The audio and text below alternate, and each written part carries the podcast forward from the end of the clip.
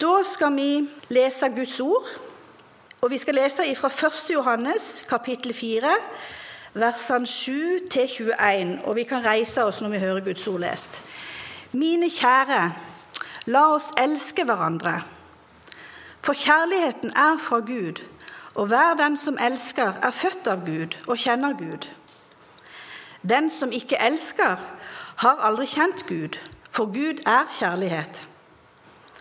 Og ved dette ble Guds kjærlighet åpenbart blant oss, at Gud sendte sin enbårne sønn til verden for at vi skulle leve ved ham. Ja, dette er kjærligheten, ikke at vi har elsket Gud, men at Han har elsket oss og sendt sin sønn til soning for våre synder. Mine kjære, har Gud elsket oss slik, da skylder også vi å elske hverandre. Ingen har noen gang sett Gud, men dersom vi elsker hverandre, blir Gud i oss, og hans kjærlighet er fullendt i oss. At vi blir i ham og han i oss, det vet vi fordi han har gitt oss av sin ånd. Og vi har sett og vi vitner om at Faderen har sendt Sønnen som verdens frelser. Om noen bekjenner at Jesus er Guds sønn, blir Gud i ham og han i Gud. Og vi har lært å kjenne den kjærlighet Gud har til oss, og vi har trodd på den. Gud er kjærlighet, og den som blir i kjærligheten, blir i Gud, og Gud i ham. I dette er kjærligheten blitt fullendt hos oss, at vi har frimodighet på dommens dag. For som Kristus er slik, som Kristus er, slik er vi i denne verden. I kjærligheten finnes det ikke frykt. Den fullkomne kjærligheten driver frykten ut. For frykten bærer straffen i seg, og den som frykter, er ikke blitt fullendt i kjærligheten. Vi elsker fordi Han elsket oss først. Den som sier 'Jeg elsker Gud', men likevel hater sin bror, er en løgner. For den som ikke elsker sin bror, som han har sett, kan ikke elske Gud, som han ikke har sett. Og dette er budet vi har fra ham. Den som elsker Gud, må også elske sin bror. Kjære Jesus, dette er ditt ord, og ditt ord er sannhet. La det bli levende i våre hjerter. Amen. Jeg satt i bilen på vei til Kristiansand, oppløst i tårer.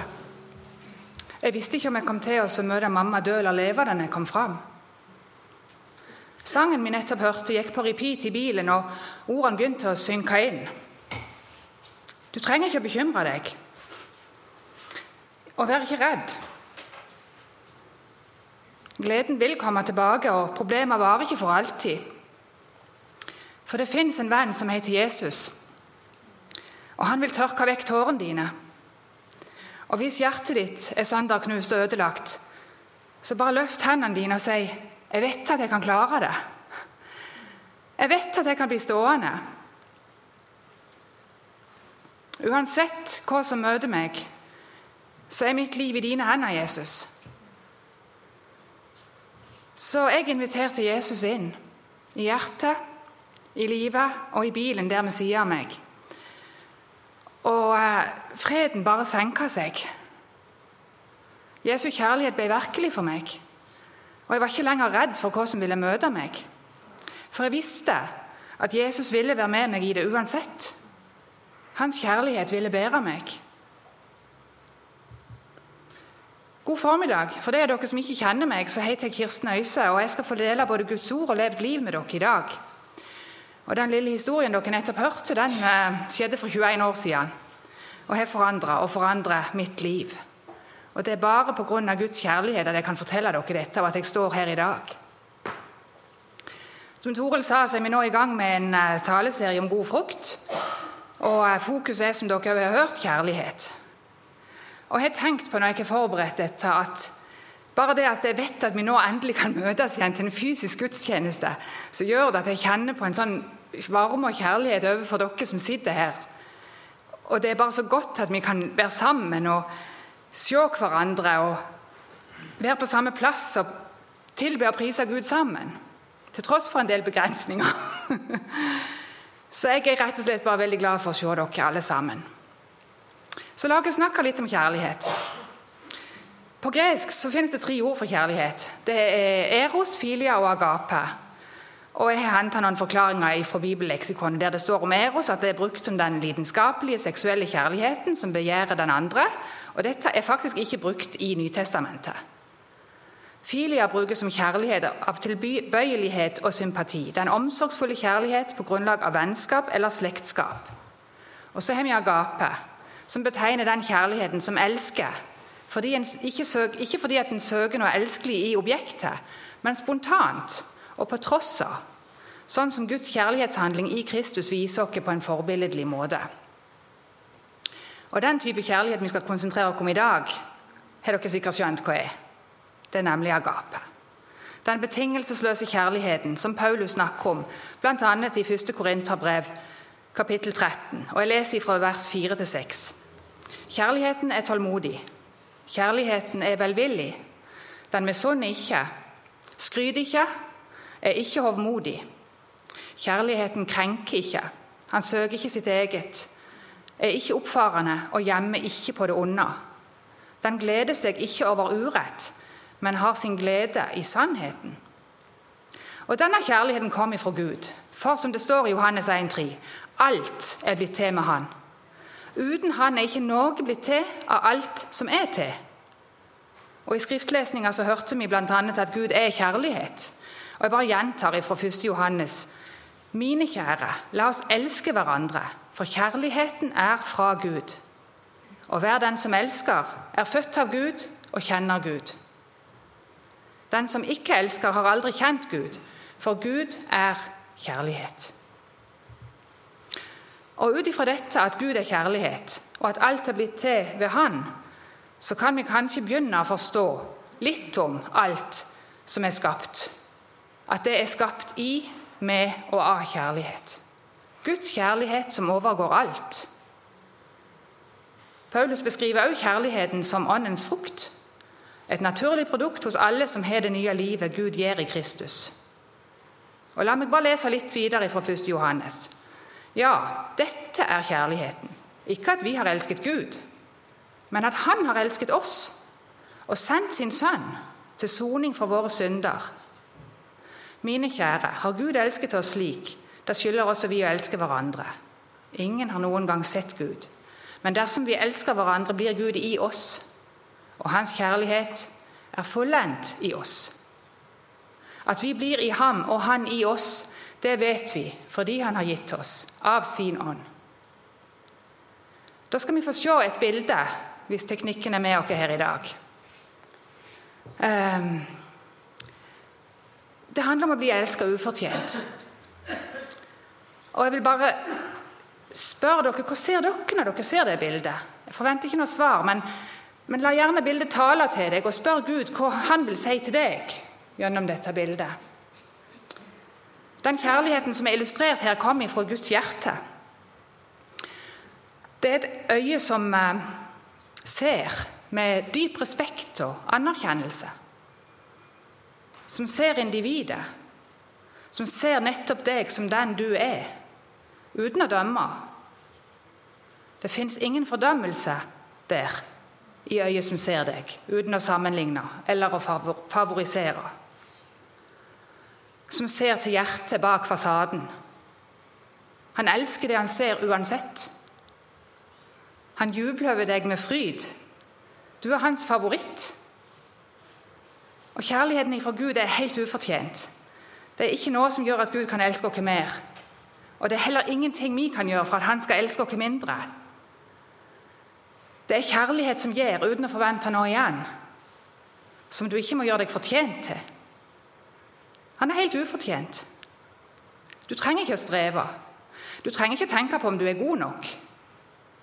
For du er god nok uansett. Du trenger ikke å bli bedre for at han skal elske deg. Han venter på deg med lengsel. Og Nå er det gått noen år siden eh, den historien jeg fortalte dere innledningsvis. Vi er kommet til år 2009. Jeg satt i Sentralkirka i Oslo sammen med flere fra vår menighet. Og Noen av de er her i dag òg. Vi var på konferanse, og vi ble bedt om å søke Gud og be. Vi satt der i stillhet med musikk i bakgrunnen, og jeg ba ca. den samme bønnen som jeg hadde bedt de siste sju årene. Herre, hva vil du jeg skal bruke livet mitt på? Vis meg veien du vil jeg skal gå. Og Ganske fort så kjenner jeg ei hånd på skuldra, og jeg blir spurt om jeg, det er greit at jeg blir bedt for. Jeg fikk forbønn, og jeg fikk også ordet fra Gud, som bekrefta at han vil vise meg veien. Og Jeg hadde ikke opplevd dette før, og jeg ble så overrumpla når disse ordene kom fra en som ikke visste noen ting om meg eller ante noe om hva jeg hadde bedt om. Så jeg ble bare sittende der i djup takknemlighet og bare takke og takke og takke stille inni meg. Og så fikk jeg kjenne på en overstrømmende kjærlighet bare skylte over meg og gjennom meg. Og Det var ikke bare der og da, det varte i tre døgn. Og jeg var bare helt fullstendig under Guds kjærlighetsdusj. Jeg ble virkelig fylt opp.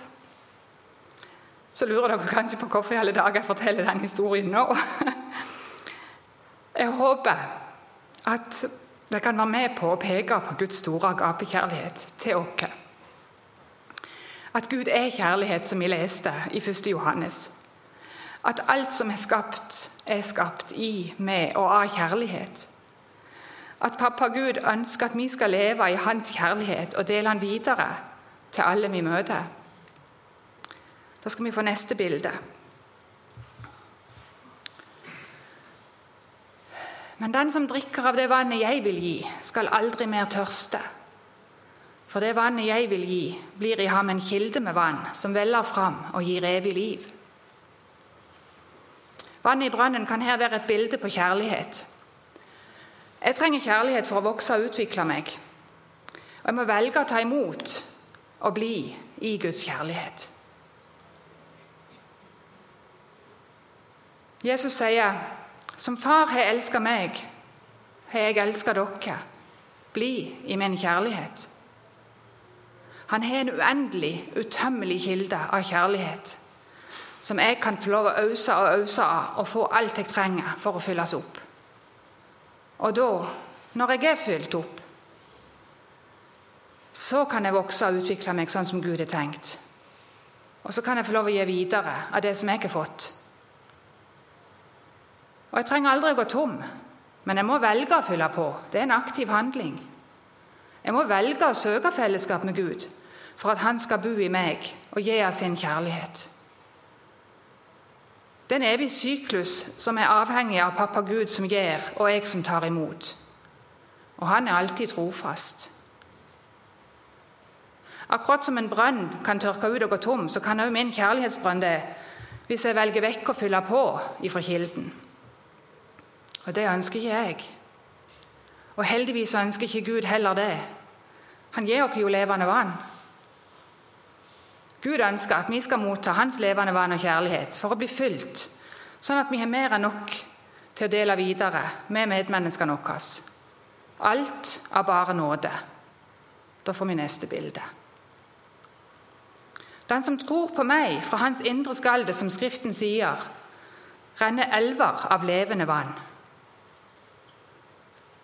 Et nådebasseng. Vannet strømmer inn og strømmer ut. Det må være i bevegelse, ikke stillestående. Da blir det råttent og dødt. I bevegelse så er det liv og vekst i vannet. En kilde som stadig blir fylt opp, vil renne over. Det er sagt at den beste måten å bevare kjærligheten, eller kristendommen for den saks skyld, er å gi den vekk. Og Jeg gjentar fra 1. Johannes 4.: ja, dette er kjærligheten. Ikke at vi har elsket Gud, men at Han har elsket oss og sendt sin Sønn til soning for våre synder. Mine kjære, har Gud elsket oss slik? Da skylder også vi å elske hverandre. Og I Galaterne 5 så står det for hele loven blir oppfylt i dette ene budet. Du skal elske de neste som deg selv. Og I Johannes 15 står det at dette er mitt bud til dere Elsk hverandre. Så hvordan skal jeg klare, og hvordan skal du klare, å elske den, din neste? Hvordan skal jeg klare å elske min neste, hvordan skal du klare å elske din neste? Som meg sjøl. Og forresten, hvem er min neste? Dessuten så står det jo at vi skylder og vi skal, og et påbud om å elske hverandre. Og Det høres for meg fort ut som strev og hardt arbeid. Likevel er ikke det Guds mening at vi skal streve for å få til. Han har sagt, 'Jeg er vintreet, og dere er greinen.' 'Den som blir i meg, og jeg i Han, bærer mye frukt.' For uten meg kan dere ikke gjøre noen ting. Bare med Guds hjelp og fordi Han elsker meg først, så kan jeg leve i kjærlighet og gi kjærlighet. Min neste er det mine nærmeste, det jeg kan relatere meg til, og, de jeg forstår. Det jeg syns det er lett å bry meg om, og som kanskje ligner litt på meg sjøl når det kommer til meninger og tro og ulike overbevisninger og rett og galt. Eller er det alle mennesker, uavhengig av sosial status, tro eller andre ting? Vi husker vel alle lignelsen om den barmhjertige samaritan. Jesus er veldig tydelig på hvem som viste seg som en neste, og at dette er hvordan han sier vi òg skal gjøre. Vise barmhjertighet mot de som trenger det. Vise oss som en neste, som en som bryr seg om, uavhengig av hvem som trenger oss. Jeg og du er kalt til å være neste og elske oss sjøl vår verste fiende. Hva tenker du om det? Jeg syns ikke at det uten videre høres veldig enkelt og greit ut. Men allikevel er jeg veldig overbevist om, er helt overbevist, at det er Guds vilje. For det står i Matteus 5,44. Men jeg sier dere, elsk deres fiender. Velsign dem som forbanner dere. Gjør godt mot dem som hater dere. Og be for dem som mishandler dere og forfølger dere. Og dersom jeg er villig, så vil Han hjelpe meg til å leve sånn. Mer og mer ettersom jeg blir i Han og velger å ta imot nåden på ny og velger å gå Hans vei. For at jeg skal kunne vise min neste kjærlighet, så må jeg jo først lære å elske meg sjøl. For det står jo du skal elske de neste som deg sjøl. Og for å lære å elske meg sjøl, så må jeg først ta imot Guds betingelsesløse kjærlighet, som jeg har fått av bare nåde. En gave så ufattelig stor og verdifull. Fars kjærlighet utøst i vårt hjerte ved Hans ånd. Han vil gi oss alt. Han vil fylle oss med sin kjærlighet for at vi skal dele videre til de vi møter, i hverdagen og til fest, ja, alle dager. Hans kjærlighet er uforbeholden og betingelsesløs. Han elsker oss alltid og uansett. Sånn er vår fars kjærlighet til oss. Vi er elsket uansett om vi gjør feil, bare i kraft av at vi er hans elskede barn, skapt av han i hans bilde. Og Nå er det gått noen år igjen, og vi har kommet til 2014, og jeg står i lovsang og tilbedelse foran scenen i Bessel Church, Redding, California. Det er den siste dagen på konferansen Open Heavens, og på scenen så, så står det ei dame og maler profetisk. Hun var der i går òg. I dag så starter hun med et helt blankt lerret. Kun noen få svake, nesten usynlige blyantstreker fins. Og det er ikke mulig å skjelne hva det skal bli. Likevel, etter bare noen få penselstrøk, så ser jeg at hun maler til meg. Det er til meg ifra min pappa Gud. Og det vokser fram mer og mer. Jeg ser det ikke med fysiske øye, mine fysiske øyne, men jeg ser det med mine indre øyne. Og jeg, I stor begeistring så banker jeg på skuldra til venninna mi og så sier jeg, «Sjå, hun maler mitt bilde! Så tror jeg virkelig at hun ser det som jeg òg ser. Det gjør hun jo ikke, da, for det er jo nesten ingenting på lerretet. Men jeg ser det. Og Gud taler til meg, og han overøser meg med sin kjærlighet under hele lovsangen og videre resten av dagen og kvelden. Og Han sier at han vil gi meg det han har lova.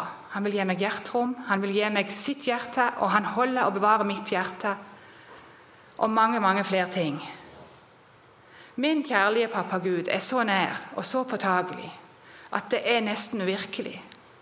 Likevel så er budskapet om å motta, for så å gi videre, veldig nydelig og veldig tydelig. Og det er dette bildet det er dette bildet som ble malt. Og Det er sikkert ikke lett for dere å forestille dere hvordan det så ut når det nesten ikke var noe. Men sånn ble det, og jeg fikk kjøpt det og fikk tatt det med hjem. Og Tittelen på bildet som kunstneren ga, er 'Hans hjerte i all sin fylde, tømt ut for oss'. I 1. Johannes 4, vers 14-16 så står det og vi har sett og vi vitner om at Faderen har sendt Sønnen som verdens frelser. Om noen bekjenner at Jesus er Guds sønn, blir Gud i ham og han i Gud. Og vi har lært å kjenne den kjærlighet Gud har til oss, og vi har trodd på den. Gud er kjærlighet, og den som blir i kjærligheten, blir i Gud, og Gud i ham. Så hvordan ser denne kjærligheten ut i praksis, dere? Nå har jeg snakka ganske mye om å motta og om å gi videre. Og det er helt bevisst, for det er helt essensielt å motta først for å ha noe å gi videre i det hele tatt. Og Dessuten så skal det jo ikke være eget strev. Et eple for eksempel, det kan ikke, ikke selv kjempe seg til å vokse seg stort og saftig. Alt er avhengig av treet, om det i det hele tatt blir et eneste eple. Treet trenger god jord, gode vekstvilkår. Det trenger vann og gjødsel og lys for å kunne blomstre og bære frukt. Og det trenger beskjæring. Akkurat som historien om vintreet. Så vi trenger å være djupt grunnfesta og ha rødda i Gud. Og vi trenger både Hans levende vann, kjærlighet, lys og beskjæring for å bære frukt. Derfor mener jeg at det viktigste vi kan gjøre for å bære frukt, og kanskje det eneste vi kan gjøre for å bære frukt, det er å tilbringe tid med Gud og være villig til å la Han forme og beskjære det som Han ser er nødvendig. Da vil frukten komme uten anstrengelser. Og ja, det må se ut som noe. Jesus ga flere eksempler på det. Og Et av de sterkeste og kanskje, er kanskje når han vasker disiplene sine føtter. Han inntok en tjeners skikkelse da og med hele sitt liv for å være et eksempel til etterfølgelse for disiplene og for oss. Så hvordan ser denne kjærligheten ut i praksis? Ja, Det står i Bibelen. Det handler om å være et medmenneske og vise kjærlighet. Med å gi mat til de sultne, drikke til de tørste, ta imot de fremmede, kle de nakne, se til de syke, besøke fanger i fengsel. Fra Matteus 25 så kan vi lett tenke at det passer best i fattige land, der de har lite mat, dårlig vann, fillete klær osv. Det stemmer bare ikke så bra. For dette er behov som finnes overalt, i ulik grad. Og det finnes òg en annen type sult og tørst, i tillegg til den fysiske, som kanskje er minst like viktig å bli møtt på. Og det er den åndelige sulten og tørsten. Likevel, la oss ikke glemme at frukten vokser fram fordi vi er poda inn i vintreet som er Jesus. Jeg er vintreet, dere er greinen. Den som blir i meg, og jeg i han, bærer mye frukt. For uten meg kan dere ingenting gjøre. Så la oss søke Gud for å kjenne Hans hjerte mer og mer. Og la oss bli i Han, sånn at Han kan bli i oss og vi helt naturlig vil vise hverandre kjærlighet. I Johannes 13 så står det et nytt bud gir jeg dere. Dere skal elske hverandre. Som jeg har elsket dere, skal dere elske hverandre. Ved dette skal alle forstå at dere er mine disipler, at dere har kjærlighet til hverandre.